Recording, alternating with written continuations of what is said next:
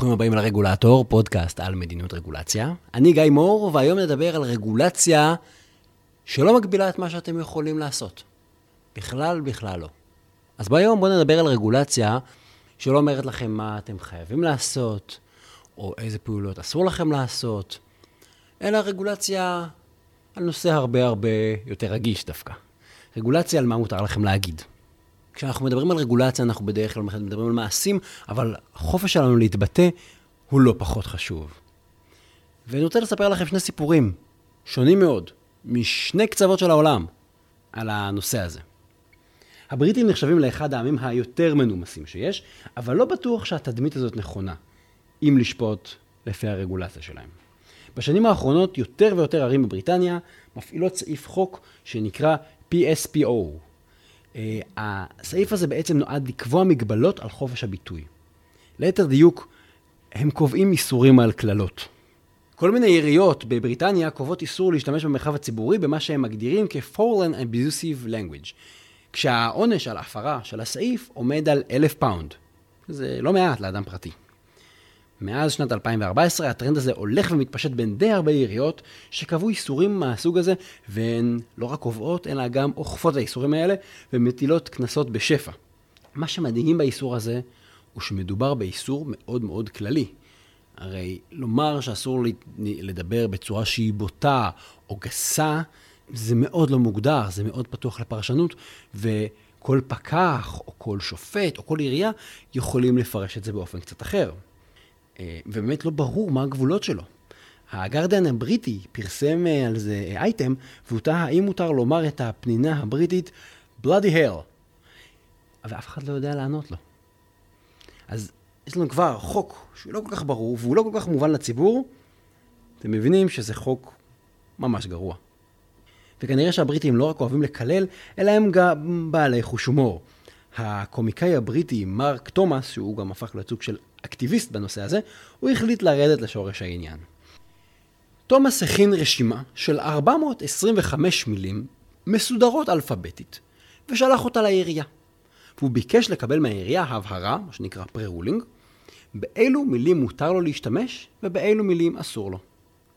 העירייה סירבה להשיב לו, שזה כבר תנועה אדומה, וזה כמובן חורג מהדיון העקרוני על חופש הביטוי ואיזה תפקיד המדינה צריכה לשחק במה מותר לנו להגיד ומה לא, אבל אתם מבינים שיש פה גם איזה ממש חוסר הגינות, כי אומרים לנו שאסור לנו לעשות משהו, ואז בן אדם אומר, אוקיי, רגע, זה מותר או אסור? והעירייה אומרת לו, לא יודעים, תגלה לבד כשיבוא הפקח. בטור שתומאס פרסם, הוא מפתח את הרעיון של אה, רגולציה קללות. הוא למשל מציע לשכלל את מערך הענישה ולקבוע עונשים מדורגים לפי חומרת הקללות. למשל, הוא אומר על אה, קללה לא גסה, כמו המילה דם, אה, טיפש, אה, תחייב בקנס של 30 פני.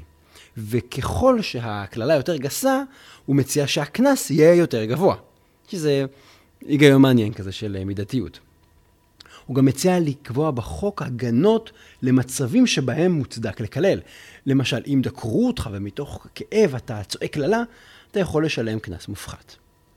לדעתי, אגב, תומאס הלך רחוק עם הדוגמה של הדקירה, כי המצב הכי מצדיק אה, קללה זה כשהאצבע הקטנה של הרגל מתנגשת בפינה של המיטה.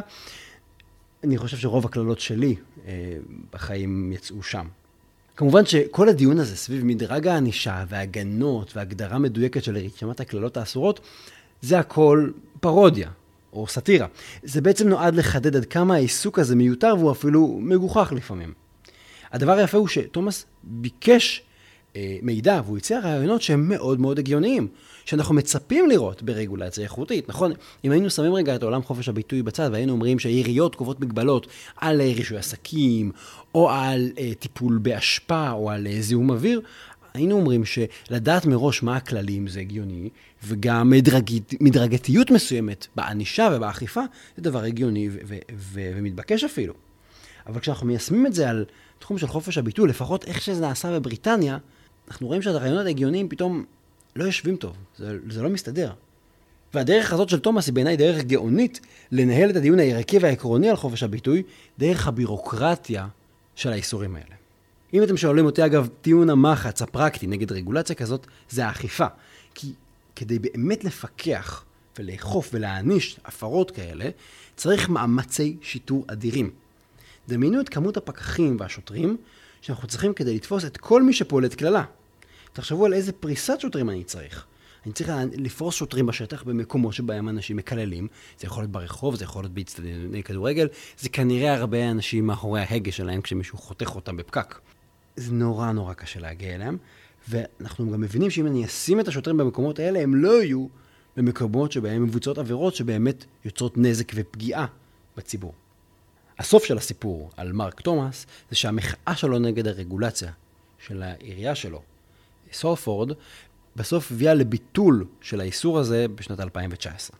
אבל יש לא מעט ערים, עיירות וכפרים שקבעו וממשיכות לאכוף את החקיקה מהסגנון הזה. ממש עד היום. אני רוצה לקחת אתכם עכשיו לטיול בצד השני לחלוטין של העולם, מבריטניה הקרה והמנומסת עם הקללות, אני רוצה לקחת אתכם לפיליפינים. כי רגולציה על חופש הביטוי היא לא המצאה בריטית. בעיירה פיליפינית בשם ביאנולן נקבע חוק עירוני שאוסר על רכילות. העונש על העבירה הזו בפעם הראשונה שנתפסתם הוא 200 פזוס, שזה כ-12 דולר, וגם שלוש שעות עבודה לתועלת הציבור. העונש על ההפרה החוזרת, זאת אומרת, החל מהפעם השנייה, זה יכול להגיע עד אלף פזוס, שזה בערך 60 דולר, ושמונה שעות עבודה לתועלת הציבור על כל פעם. נשמע לכם נמוך? 60 דולר? השכר הממוצע בפיליפינים הוא אלף דולר בחודש. השכר החציוני הוא 640 דולר בחודש. בפרספקטיבה כזאת מדובר בקנס לא קטן בכלל, לקחת למישהו משהו כמו 10% מהמשכורת שלו על מעשה רכילות. גם החוק הזה מגביל את חופש הביטוי, וקשה להגדיר איפה האיסור נגמר ואיפה הוא מתחיל, כי רכילות היא לספר סיפור ששמעתם. אני יכול לספר לכם סיפור ששמעתי על הפיליפינים, האם זו רכילות או אני מדווח לכם מידע? מה הגבול בין רכילות לדיווח, למסירת מידע עיתונאי? האיסור הזה הוא גם גורף וגם עמום, ולכן הוא לא רק פוגע ברעיון הערכי של חופש הביטוי, הוא ממש עלול לפגוע בתקשורת הבסיסית בין שני אנשים. כשאנחנו חושבים על חופש הביטוי, בדרך כלל אנחנו חושבים על עקרונות ודמוקרטיה והפגנות ורוב מול מיעוט, אבל בסוף, בסוף, בסוף, אני חושב שהפיליפינים דוקרים את הנקודה הכי טוב בצורה קצת רעה. אמ, ביטוי זה קודם כל שני אנשים שמדברים. אני רוצה לבקש ממישהו שיעשה משהו. אני רוצה לשתף במידע. ואם אנחנו שוברים את המנגנון הזה של תקשורת בין אנושית, אנחנו גורמים לעצמנו המון המון נזק. אז גם לגבי הפיליפינים, אני בספק אם האיסור הזה באמת ייאכף לאורך זמן, כי יהיה קשה לאכוף אותו. גם קשה להיות בכל מקום לאורך זמן, וגם יכול להיות שהנזקים ממנו יהיו אדירים. אה, ואם באמת יאכפו אותו ברצינות ובאופן גורף, כנראה שהציבור אפילו יתמרד. וזה אגב, ממש כמו הסאטירה של מרק תומאס, התמרדות של הציבור ומרמור של הציבור, הם גם סימן מצוין כדי לזהות רגולציה ממש ממש גרועה ומזיקה. אז עד כאן אלה שני סיפורים על רגולציה, על חופש הביטוי, משתי קצוות של העולם, כאשר אנחנו מבינים את הקושי האמיתי להתערב בשיח בין אנשים. זה לא אומר שלא צריך רגולציה, זה לא אומר שכל ביטוי הוא לגיטימי וצריך להיות חוקי. אבל זה אומר שלהגיד שמשהו אסור זה החלק הקל. לקבוע את הדברים בצורה חכמה ומיושבת ולא מזיקה, זה החלק הקשה. וכמו בעוד דברים, גם בחופש הביטוי כדאי לחשוב לפני שמחוקקים. תודה שהאזנתם לפרק הזה של הרגולטור, אני גיא מור. אתם מוזמנים לעקוב אחריי דרך אתר האינטרנט רגולטור.אונליין, גם להסתכל בטוויטר, בפייסבוק, יש אה, עמודים שבהם התכנים והפרקים מתפרסמים.